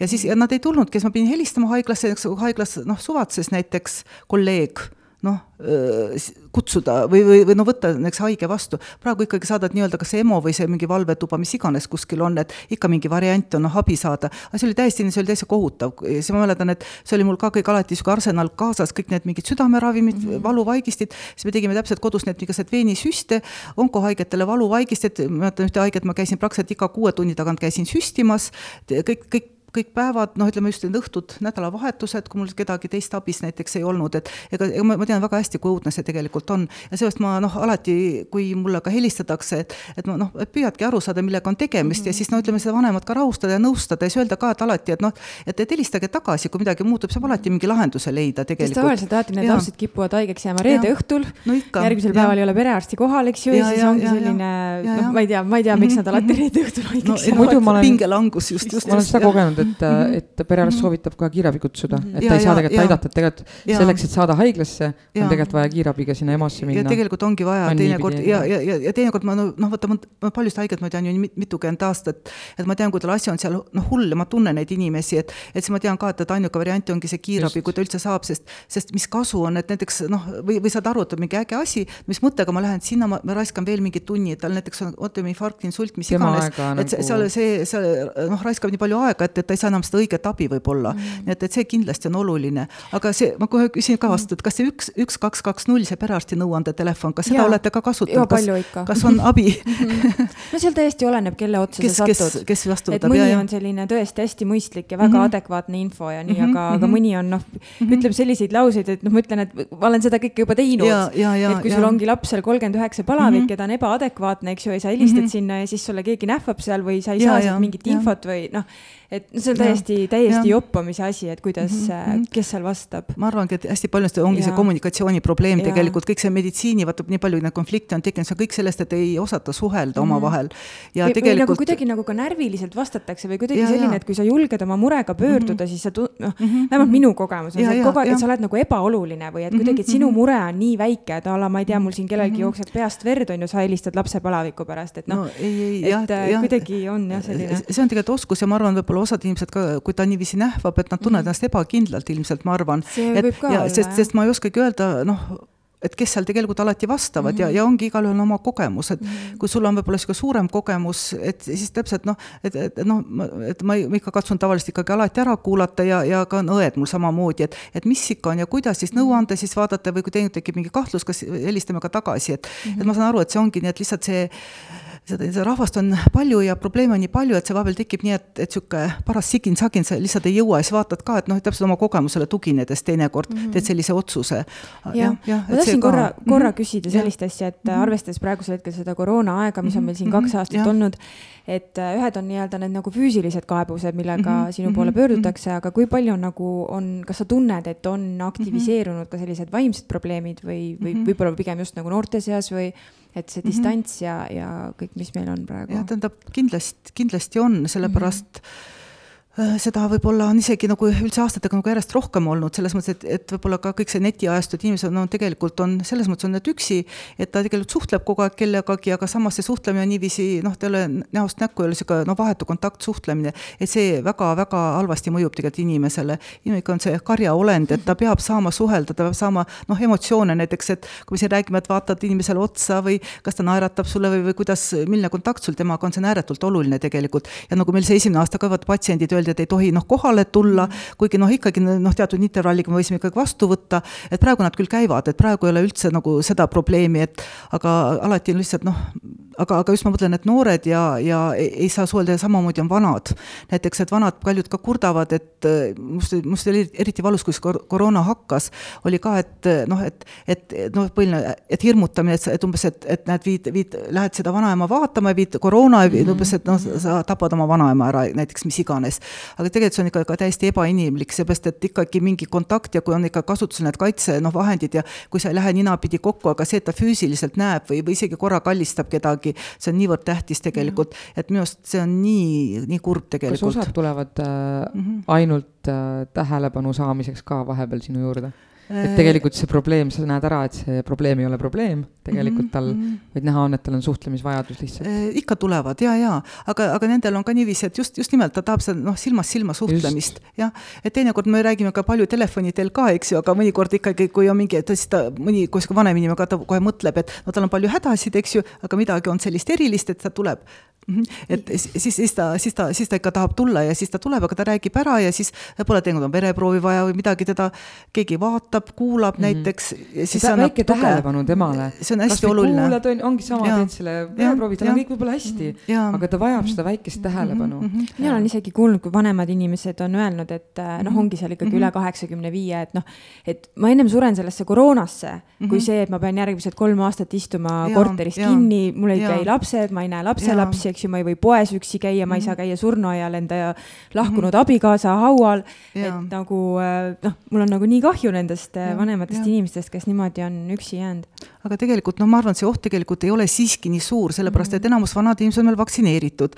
näiteks ja, ja kui ütleme, kasutatakse ka neid kaitsevahendeid, näiteks ta ise ja, ja kui need, kes külla tulevad, aga mulle tundub, et paljudel on vot need suhteprobleemid tegelikult ja, ja kui peres ei ole häid suhteid, siis väga lihtne on niiviisi selle koroona taha pugeda noortel, ma just mõtlen. et, et ja, ja ma ei saa tulla, et, et mhm. oi, ma jätan ja et tegelikult no, noh tead, sa lihtsalt peab ennast vahepeal kokku võtma, seda inimlikkust natukene no,. tegelikult peaks enda vastu ausaks jääma, et miks ja, ma ei lähe ikkagi, et mis on ja, see päris põhjus. ja teine asi või siis, siis räägi siis temaga mm, -hmm. et või, või kuidagi või katsu seletada, ma saan aru, et lähedasemas suhtes seda valusam see tegelikult on, rääkida. hulga raskem on aus olla tegelikult. ja ausalt öelda, sa kardad haiget teha. ja, ja teine asi ja see, kellele sa seda ütled, et tegelikult ta saab nagu topelthaiget, sest mm -hmm. see lähedase inimese sõna on ikka kõige valusam Ongi, tegelikult, kuigi pole probleem ei ole üldse nii suur, aga see tuleb ikkagi ette võtta. Ja, ja noored on kindlasti hästi üksinda, ma noh, ma tunnen, et hästi palju neid, kes vajaks ikka mingit psühholoogi abi ja ja, ja kus on need pered on sellised noh, nagu kehvad või peresuhted on kehvad, hästi palju jäetakse ikka no lapsi ja noorukeid niiviisi oma pead. ei ole sellist et, perekondlikku suhtlemist nii-öelda, jah, et ikka see netis kuskil ja mis ja kus ja siis siis täpselt selliseid noh, osa, osa, ma ütlen, et enamus on ikka väga tublid pered ja tegelikult tehaksegi koos ja, ja on, on kõik, kõik on huvitatud, eks ju, vanemad ja aga väga palju on ka selliseid ja siis neid lapsi on vahel, mõtled, nii raske aidata, tal ei olegi niisugust tugivõrgustikku, aga noh, mõtlengi, et meil on ka täpselt see noortekeskused ja mingid niisugused üritused teinekord, kus nad saavad käia ja, ja ütleme, kool on selles mõttes ka ikkagi väga hea koht, et kui nad saavad ikka kontaktõppel olla mm, -hmm. sest et saad ikka oma sõpradega kokku või õpetajaga või, või kellegagi rääkida, eks ta saab sealt kodunt välja näiteks, mis on ka hästi tähtis. et muidu mm -hmm. nad jäävad jäävadki, noh, jah. aga kui sa saaks -hmm. praegu mm -hmm. meie inimestele anda mingisugust mm -hmm. selles mõttes tervislikku nõu, et selline ma ei tea, mis on sinu põhimõtted või selles mõttes, et kui natuke inimestele nõu anda, kuidas praegusel hetkel äh, kas paremini tunda või, või mhm. millele nad võiksid nagu tähelepanu pöörata oma tervise juures või kuidas ennast märgata või mm? -hmm. et ma mõtlen, et, et tegelikult mõnes mõttes on oluline päevarežiim kui, kuigi mulle endale ka meeldib sellest kõrvale hiilida, aga tegelikult osa nädalast võiks ikkagi olla sul mingid kindlad tegutsemisajad, et eks, et kindel kellaaeg, kui sa tuled üles, siis mingid tegevused, mida sa kindlalt ka teed. ma tunnen juba ennast puudutatuna. ja, ja no aga... mina, mina ei ole sugugi noh, parem, eks ju, et noh, nädala sees ma pean lihtsalt, ma, ma pean mm -hmm. nagunii tööle tulema, et aga see on tegelikult väga hea, et võib-olla ma, ma vedeleksin näiteks voodis mm, -hmm. ei mhm. tuleks üles. aga tähendab, et, et, et ja siis on mingi kindel tegevus ja näiteks soovitan alati, et inimene ka, näiteks kes eriti vanemad inimesed, kes kes on noh, üksinda kodus, ütleme tööinimestel on võib-olla natuke lihtsam ja lastel, kes kuskil lähevad kas kooli või mhm. lasteaeda mm, -hmm. aga tähendab, et, et, et valmistugu endale süüa, näiteks mõelgu endale ja, ja siis, siis leidku endale mingi niisugune huvitav tegevus, mis talle meeldib. ja tähendab, noh, paljud kordavad jah, et küll ei näe lugeda, ei näe käsitööd teha või ei saa või see, no kuulake muusikat näiteks, just seda muusikat, mis oli teil lemmikmuusika omal ajal, et see annab hästi palju emotsionaalset niisugust tuge ja siis, ja käia päevas kindlasti üks väike tiiruke väljas, kui vähegi saad. ja, ja kui sa väljas ei saa käia, no siis, siis toas näiteks, kellel on liikumisraam või tähendab, või käi toas tuppa, et võta lihtsalt ette, aga mingi niisugune päevarežiim, see kindlasti aitab seda päeva paremini noh, sisustada ja, ja ei teki niisugust igavust. Ja, ja, ja kindlasti, kellel on võimalus helistada näiteks, kas või helistada tuttavatele ja, ja kes on näiteks vaktsineeritud vanemad inimesed, et aga miks need võiks ka omavahel kokku saada näiteks, kas vanad tuttavad, noh, ma saan aru, et seal igasuguseid piire ja takistusi on, aga teinekord kokku leppida või võtta see telefonikõnedeks mingi aeg, et ja noh, praegu on vaata hästi palju see, see on see siis nagu see abistajateenus, et see vabatahtlik abistaja või seltsiline, et mm, -hmm. et see, see on hästi, oleks küll hästi tore, kui seda saaks rohkem noh, rakendada, sellepärast et see võib-olla, aga, aga mingi režiim peab olema olema küll mm -hmm.. seepärast, et vahel nädalavahetusel ka, et, et ise kallased ennast lõdvaks ja mm -hmm. sugugi ei tule õigel ajal üles, aga. see käib aga, tegelikult kõikide vanuste kohta. jah, ma arvan ka, et see äh, vist. et see rutiin tegelikult on mingil mhm. määral oluline, mis kell sa ja, magama lähed. minul on, mina olen mm -hmm. ennast täiesti ära rikkunud sellega, et mm -hmm. ma mhm. lähen nii hilja magama mm -hmm. ja ma ei saa mm -hmm. enam hommikul ülesse ja mul on selline asi nagu nutisõrmus ja nüüd ma näen ära nende näitajate pealt Mm -hmm. ta näitab mhm. seal neid mingeid unefaase ja asju, kuidas ja, ma magan mm, -hmm. et ta mhm. kogu aeg, mul on mhm. punases kogu aeg see magama mineku aeg. aga ta hakkab mulle kaheksa-üheksa ajal ütlema, hakkame vaikselt sättima, hakkame ja. ennast maha rahustama. ma olen ja. tööle vahepeal alles sellel ajal. just, just, ei, see ongi tegelikult niiviisi, et noh, ja see on ka loomulik, vaata, mida noorem sa oled, et seda paremini sa paned vastu, et ma olen samamoodi noh, lihtsalt elanud, et, et mm -hmm. enne kahteteist praktiliselt mitte kunagi magama läinud, nüüd ma vahel isegi lähen, eks ju. vahel veel hiljem, eks ju, lähed magama ja teine asi, kui olid need öised koduvisiidid, no ma tulin koju, ega, ega ma siis ei suutnud enam magama jääda, sest ma olin juba nii noh, üles ärganud, eks ju, mis iganes, et, et aga tegelikult noh, see on see nooruse see hea asi, et, et võib lubada endale aga sellist. kuidas sa ennast ja. äh, laadid, selles mõttes ma ja. praegu kuulen, et su ja. telefon vahetpidamata tegelikult heliseb, et äh, kas sa oled suutnud endale ka ikkagi seada mingisugused mm -hmm. piirid, et sa võtad selle aja endale, et sa saaksid ise teisi aidata äh,. mis Tähendab, sa siis teed selle jaoks? Ja, ja no põhiliselt ongi, et näiteks noh, vanasti mm, ma ikkagi seda mobiili tegelikult ei, ei lülitanud välja, eks ju. nüüd ma lihtsalt kas lülitan välja või panen hääletu peale ja kui, kui ma lihtsalt ei kuule, ma ei märka teda vaadata, siis ma teda mm -hmm. lihtsalt ei vaata, eks ju. ja, ja siis teine asi ka, et noh, see on selline kõige lihtsam asi, eks ju.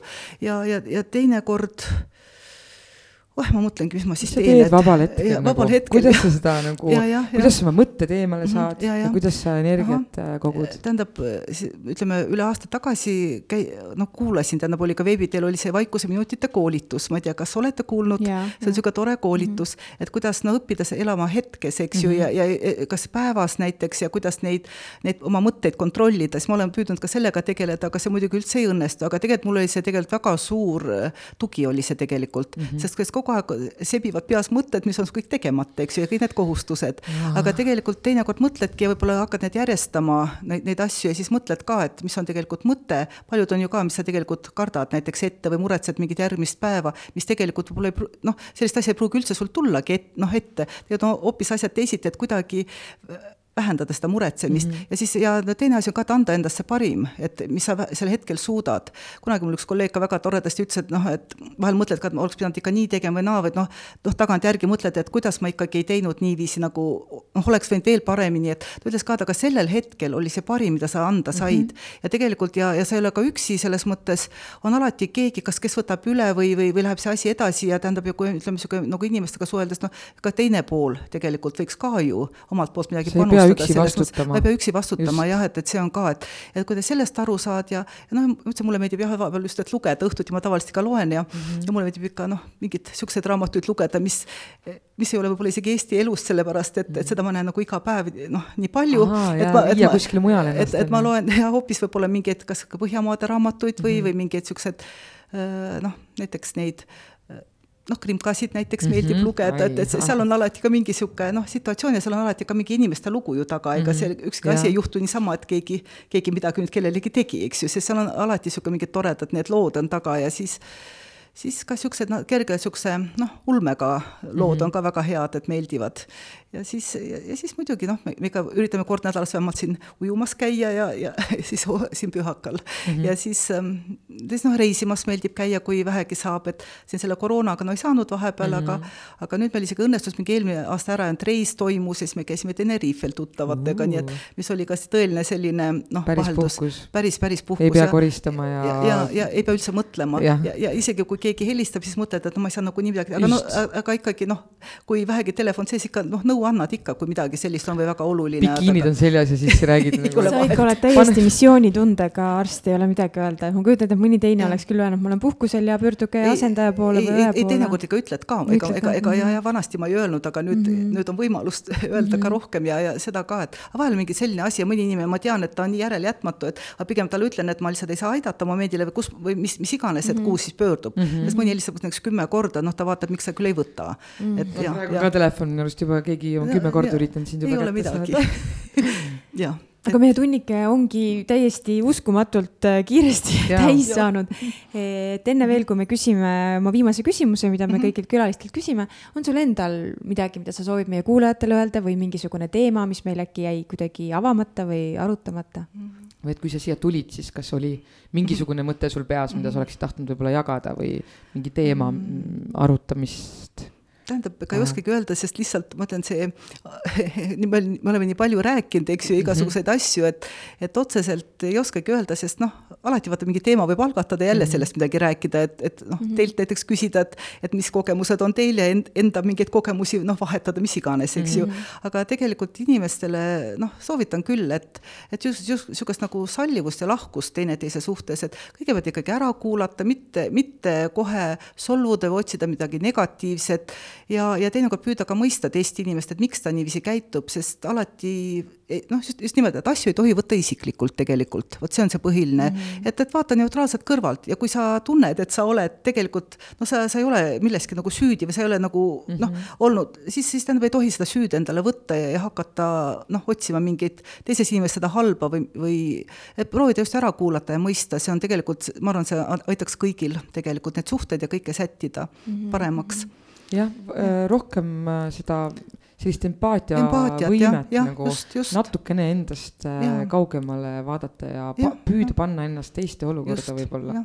See on kindlasti hästi oluline, sest et paljud noh, ei mõista, et praegu on läinudki elu no kuidagi väga enesekeskseks, et mm -hmm. ikka mina ja mina no,. see ring läheb ju väikseks, väikseks, väga, väga väikseks. omavahel, sa jäädki oma mõtete ja tunnetega sinna üksinda kookonisse. ja siis leiadki, et, et noh, nii, nii sulle sobib või nii, nii on see lahendus mm, -hmm. kuigi tegelikult see ei pruugi olla õige.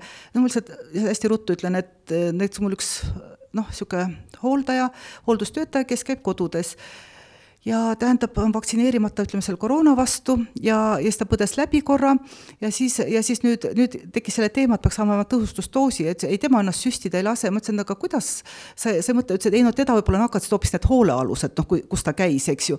ma ütlesin, et asi pole selles, aga sinu vastutustunne, sa oled noor inimene, võib-olla jah, kui sa jääd haigeks, sa põed kergelt, aga kui sinu näiteks hoolealused jäävad haigeks ja kas, kas saavad mingi tüsistuse või surevad või noh, mis iganes, sa ei saa, sa ei, sa ei tea ju, mis juhtub, et, et just see vastutustunne ka, et et sa ei vastuta ainult enda eest, sa vastutad mm -hmm. teiste eest, sest me oleme kõik noh, kogukonna liikmed, me elame kõik koos, ma saan aru, kui sa tõesti elad üksikul saarel üksinda, siis ei ole mingit probleemi, et aga, aga, aga rohkem mõelda teistele ka ikkagi. mul on ka selline ja, mõte, et kui ja, ma ja. olen äh, see koht, kus ma elan, see on mu kodu, see riik on mu kodu ja, ja mul on kodus vanemad, kes juhivad mm -hmm. seda kodu just. ja kui nemad on mingid reeglid teinud, siis ma tunnen ka seda, et äh, see on minu valik, et ma siin ja. olen selles ja. mõttes ja, ja ma püüan olla võimalikult hea laps sellele perele nii-öelda. jah, loomulikult, sest, sest ongi see vastutus ja et see mm -hmm. näitab, et sa hoolid mm -hmm. oma perest ja, ja teistest inimestest, see on hästi tähtis tegelikult. Mm -hmm.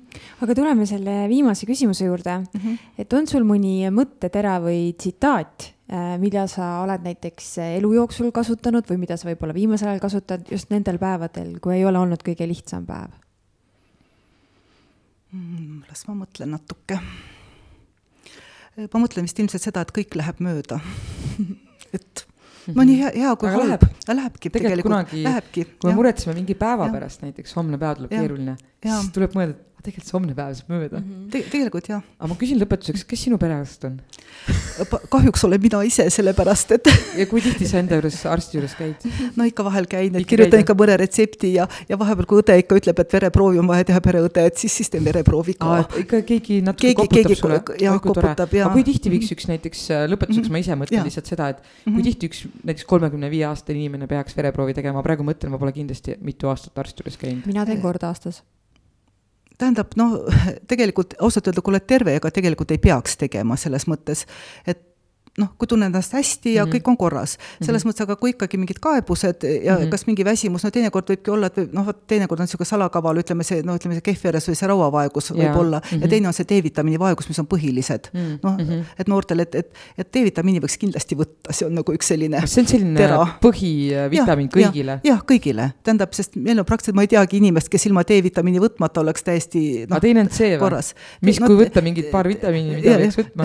noh, C-vitamiin on ka võib-olla viirus viiruste perioodil ta mm -hmm. noh, tugevdab organismi, et võib võtta, aga pidevalt pole vaja. ja teine asi, nagu ütles meie kunagine see farmakoloogia professor, et mm, -hmm. et kui inimene normaalselt sööb, ei pea ta tegelikult mitte midagi võtma. nii et, äh, et ärge aga, võtke, kui te sööte normaalselt just, just, või noh, ainuke see D-vitamiin me tõesti ei saa, noh, meil ei ole mm -hmm. seda mhm. päikest, eks ju mm, -hmm. aga teised asjad vastavad vajadusele, noh, enne siis võib-olla perearstiga nõu pidada, kas on tarvis midagi. väga tore, aga suur tänu sulle, Tatjana, et sa olid nõus tulema ja tõesti mm, -hmm. me näeme, et sa teed oma tööd suure südamega ja ma ei tea, millist vastupidavust ja vaimset mm. tugevust sulle soovida, et äh, võta enda jaoks aega ka ja aitäh sulle ka ja, minu poolt. ja suur tänu teile suur tänu kutsumast ja tahtsingi öelda, et ma olen tegelikult seda tasapisi õppinud ka, et endale ka aega võtma. vanasti süda väga valutas, aga nüüd ma tean, mul on tubli meeskond, kes mind noh, toetab ja kes mm -hmm. tegelikult teeb kõik asjad tipp-topp ära, nii et ei ole üksi. ei ole üksi jah ja, see on väga ju, hea. ja ei saa ju teist aidata, kui enda tassike on tühi. jah, see on ka väga õige, et noh, sellest annab aru saada, aga mm, -hmm. aga, aga saad aru küll. aitäh sulle. ilusat päeva. aitäh, kõike head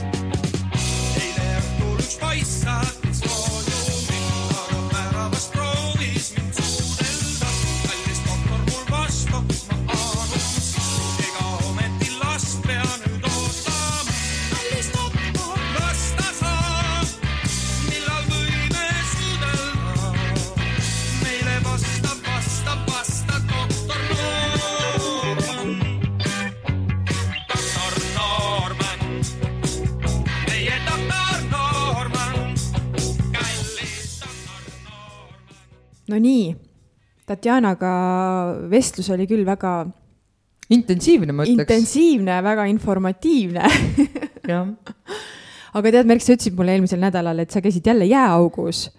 kuidas nüüd teist korda siis käia oli? no tead, mul oli hea meel, et ma, kui ma esimest korda jääaugus käisin, et ma ei jäänud haigeks jääaugu pärast, vaid mul, mul oli koroona. et ma olin nagu rõõmus selle üle, et jess, ma saan jääaugus edasi käia, sest see ei teinud mind haigeks nagu tead, see megatuul oli ja nad ütlesid, need äh, naiskad, kellega ma käin seal mm, -hmm. nad ei ole sellise tuulega käinud ongi nii, jah? ja, ja tegelikult tuulega pidi olema nagu raskem või nagu kuidagi käia. ma saan aru, et sa said hakkama. ja, ja ma sain hakkama, ei, sama selles mõttes, äh, see võtab ikkagi aega, et see võtab ikka hinge kinni, et äh, külm ei ole tegelikult mm. -hmm. aga just see hingamine, mis, äh, mis kinni läheb selle ju, juures, et sa pead senikaua ikkagi püüdma olla, kuni see hingamine nagu taastub mm. -hmm. ja siis on nagu, ma ei tea, ma natuke isegi mäletan seekord, mis ma tegin seal aga kas sa nagu reaalselt ujud ka või sa lihtsalt lähed, teed, lähed sisse, oled nagu? ma lähen sisse ja ma püüan jaa, ma arvan, et äh, kui ma ennast redelist eemale lükkaks, siis äh, noh mm., ma ei saa, ma ei saa midagi ennem teha, kui ma ei, kui mu hingamine ei ole nagu taastunud mm. -hmm. aga selleks ajaks, kui mu hingamine on juba natuke taastunud, ma pean tegelikult juba välja tulema mm. -hmm. et alguses ei ole mõtet äh, seal olla kaua sees. kaua sa siis reaalselt oled või mis alguses soovitatakse kaua olla? üleüldse vist soovitatakse, sihuke hea on üks kakskümmend mitte rohkem nagu mm. -hmm. see tundub minu jaoks ikka ulmepikk praegu ma mõtlesin, et sa ütled mingi no kolmkümmend sekundit alustada. ma arvan, et mina olen kolmkümmend sekundit või peale natukene, äkki mm, -hmm. midagi sellist. aga alguses polegi mõtet rohkem, kui sa ei ole nagu harjunud mm, -hmm. et see võtab ikkagi aega, et äh, aga äge, mõnus tunne on. Ja ma tundsin sel hommikul äh, suurt stressi, hästi suurt nagu üleüldse elus ümbritsevast. ja ma tundsin, et ma pean minema, et mul on tunne, et ta juba annab mulle selle mingisuguse tunde nagu, ta mm -hmm. juba maandab mu stressi kuidagi nagu. Mm, -hmm. ma ei tea, mida ta teeb, aga, aga tõsiselt oligi, pärast oli ülihea olla nagu.. aga kuidas sa julgesid niimoodi peale koroonat minna, sa ei kartnud, et äkki tekivad mingid tüsistused või midagi või? ei, ma tundsin, ma tegin tunde järgi. Ja ma tundsin, et äh, ma tunnen ennast täiesti tervena et kui mul juba on mingi väike sihuke kribin-krabin kuskil, tunnen nagu veits sihukest mm, -hmm. siis ma ei läheks. aga ma tundsin, et ma olen täiesti terve ja ma tahan minna. issand, ma, ma ei tea, minu, minu sügav lugupidamine sinu suhtes igal juhul. no vaatame, kauaks seda äh, käimist nagu jätkub. ei tea, mul on tunne, et sa oled hamba verele saanud, et ega sa nüüd jäta. jah aga..., ma lihtsalt üldiselt olen liiga noh, olen alati kuidagi natuke liiga haige olnud, et ma pean natukenegi päriselt endaga nagu tegelema mm. -hmm. et ega see tervis paremaks ei lähe, kui ma lihtsalt mõtlen selle peale, see on umbes see, et alustan homme dieeti on ju. -hmm. ei, täna tuleb hakata tervislikult toituma juba. väga õige, väga õige. aga mis meil uudist siin Otepää vallas äh,? hea lapsevanem, osale vanemlusprogrammis Imelised aastad äh,, koolitusprogramm on see siis imelised aastad, see on programm, mis on mõeldud kahe kuni kaheksa aastaste laste vanematele.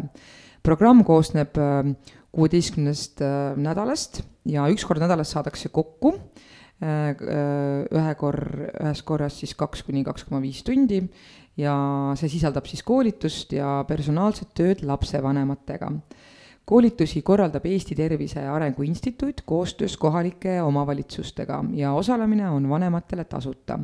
Otepää vallas alustab programm kümnendal veebruaril kaks tuhat kakskümmend kaks Geeni kooliruumides. kokku saadakse neljapäeviti kell kaheksateist kuni kakskümmend kolmkümmend. ühe grupiga töötavad kaks väljaõppe saanud grupijuhti, sel aastal on grupijuhid Ülla Kimmel ja Marju Karavin.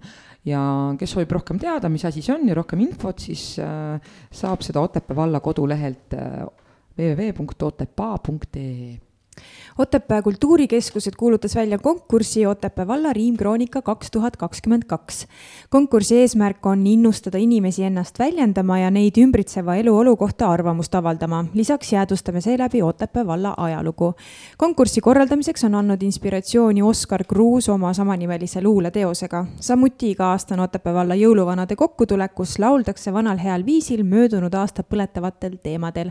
riimkroonika sisu ja tingimused on, et tekst peab olema siis ümbritseva eluolu kajastus kirjutaja jaoks olulistel teemadel, võib käsitleda nii positiivseid kui negatiivseid teemasid, autor võib esitada ka mitu luuletust ja vanuseline piirang loomulikult puudub. laekunud tööde hulgast valib žürii kolm paremat ning lisaks antakse eriauhindu. tänu sündmus toimub meil aprillis kaks tuhat kakskümmend kaks luuletused saata e-postile kaidi.pajumaa.otepaa.ee hiljemalt kolmekümne esimeseks märtsiks. Ja ära unusta oma töö juurde lisada enda nime, vanust ja kontaktandmeid.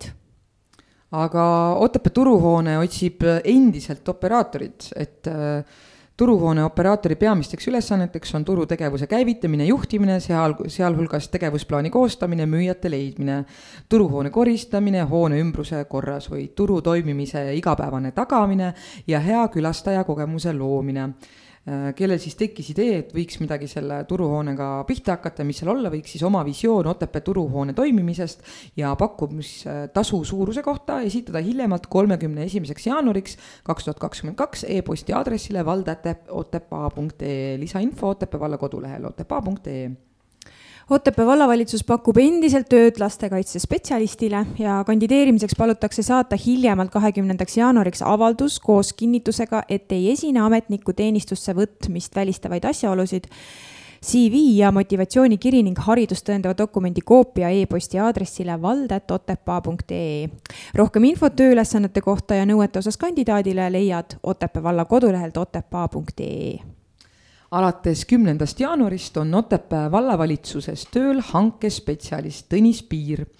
Tõnis on öelnud, et olen varasemalt hangete korraldamisega tegelenud ja olen sellel alal läbinud mitmeid täienduskoolitusi.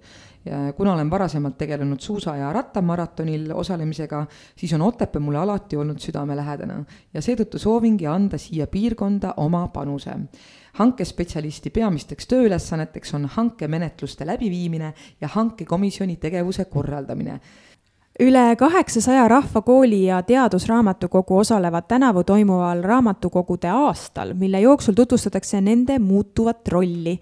iga teine Eesti elanik kasutab raamatukogude teenuseid ja aastas tehakse üle kolmeteistkümne miljoni laenutuse. raamatukogude aasta avati kaheteistkümnendal jaanuaril Viljandimaal Tarvastus. raamatukogud on Eestis püsivalt tegutsenud üle viiesaja aasta ja on meie kultuurrahvaks koju, kujunemise alustalad, ütles kultuuriminister Tiit Terik raamatukogud tagavad nii kultuurilist järjepidevust kui ka näiteks riigi info ühtlast tasuta kättesaadavust ning on seega hädavajalikud, lisas siis kultuuriminister. kes soovib selle uudise kohta rohkem infot, siis leiate selle www.raamatukogudeaasta.ee aga meelelahutus, mis äh, meid siis ees ootab juba sellel laupäeval, see ongi juba see laupäev, jah? see on see laupäev. kahekümne teisel jaanuaril kell üheksateist null null, kordan, kell üheksateist null null Otepää keskväljakul toimub Tartu kaks tuhat kakskümmend neli raames Otepää talveöö laulupidu. sündmust kannab üle ETV. nelikümmend viis koori ja palavalt armastatud Eesti artisti. Reet Linna, Robert Linna, Birgit Sarrap, Uku Suviste, Kerli Padar, Nele-Liis Vaiksoo, Marten Kuningas ja Margit Tali laulavad tervele Eestile ühiselt Euroopa kultuuripealinn Tartu kaks tuhat kakskümmend neli südames Otepääl. ja esitlusele tulevad legendaarsed lauluvõistluse horoskoop parimad palad ja sündmus on loomulikult kõigile tasuta pühapäeval, kahekümne kolmandal jaanuaril kell üheksa null null Puka kogukonna köögis toimub prillidoosi hommik. külaliseks on Otepää valla sotsiaalteenistuse juhataja Kristin Leht. pakutakse hommikuteed ja suupisteid ja osalejatele üllatus. võta kaasa soojad sussid ja avatud meel ja tule koos sõbraga, korraldab MTÜ Puka kogukond. ja sellel samal pühapäeval, kakskümmend kolm null üks, siis kell kuusteist null null Sangaste kultuurimajas kell kuusteist null null Graafiteatri etendus Meelelahutaja. see on siis humoorikas äh, etendus kahes vaatuses, pilet on kõigile kümme eurot esmaspäeval, kahekümne neljandal jaanuaril kell kaheksateist kolmkümmend Puka kogukonna köögis kriisikoolitus Hakkama saamine kriisis. räägitakse siis, kuidas saada hakkama korteris ja oma majas, kui puudub näiteks elekter ja küte. räägitakse kriisivarustusest, kuna on õige aeg kodust lahkuda ja muudel põnevatel teemadel. koolitus on tasuta ja koolitab Tõnu Jürgenson kolmapäeval, kahekümne kuuendal jaanuaril kell kaheksateist null null toimub Tehvandi spordikeskuses Valgamaa suusasarja etapp kaks tuhat kakskümmend kaks. Klassika, eraldi stardid korraldab Karupesa tiim, sarja juhend ja täpsem info on www.karupesatiim.ee selliselt siis need sündmused ja uudised meil sel nädal kul-, kujunesidki. Just, ma saan aru, et ikkagi mõned töökohad tahavad veel täitmist, et äh, ju siis pole spetsialiste siin lähedal või, või keegi ei just see turuhoone operaator, see tundub päris põnevalt tegelikult. jaa, ja see on tegelikult päris vana uudis ka juba minu meelest juba sügisest saadik. pikalt seda tegelikult räägime. siin kedranud, et äh, kes otsib oma ellu uut väljakutset, siis ma arvan, et see on just midagi sellist. just, et ma saan aru, et siin saab ise välja pakkuda, et mis see töötasu oleks, nii et mm -hmm. äh, küsida võib alati ju jah, ja muidugi lastekaitsespetsialistile endiselt äh, otsib Otepää vald ka sotsiaaltöö spetsialisti, nii et äh, mõlemale, mõlemale on ikka vaja, et kui vähegi on äh, kvalifikatsiooni, siis mm -hmm. ärge kartke kandideerida, et kõik asjad see... on kindlasti, tingimused on läbiräägitavad ja. ja, ja töö kindlasti raske. väga aga, aga väga tänuväärne. just. Aga aitäh, Merilin, et sa leidsid aega siia Tallinnas, Tallinnast siia tulla. jaa, aitäh, Kaidi, et sa leidsid aega mind siin oodata täna on ikka hoopis teine vibe ja nii tore on, ei, ei ole siin äh, üksi. ei jahu minu arust sa said väga hästi hakkama, just mõtlesin, mind pole vajagi nagu. ole nüüd, ole nüüd, ikka teine energia on, kui sina ka oled, kuigi Volli istus mul täpselt samamoodi vastas nagu sina mul praegu ja väga-väga tore oli. aga just äh, see uudiste ja meelelahutuse osa, et kuidagi veider on, istud siin stuudios ja räägid nagu iseendaga ja nagu kajab vastu ka et äh, tore, et sa ikka oled olemas. jaa, aga näeme juba varsti uuel nädalal ja, ja vaatame siis, äh, mida põnevat, võib-olla võiks ütelda isegi, et midagi uut Otepää inimestele.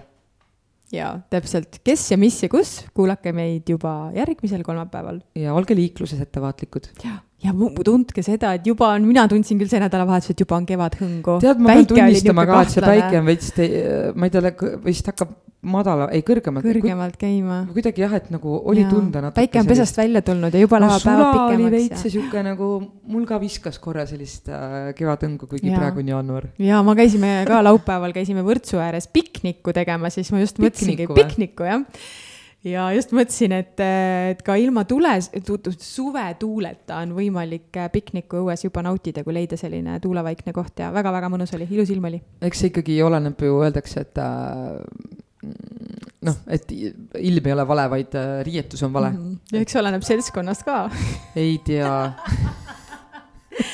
tšau. tšau.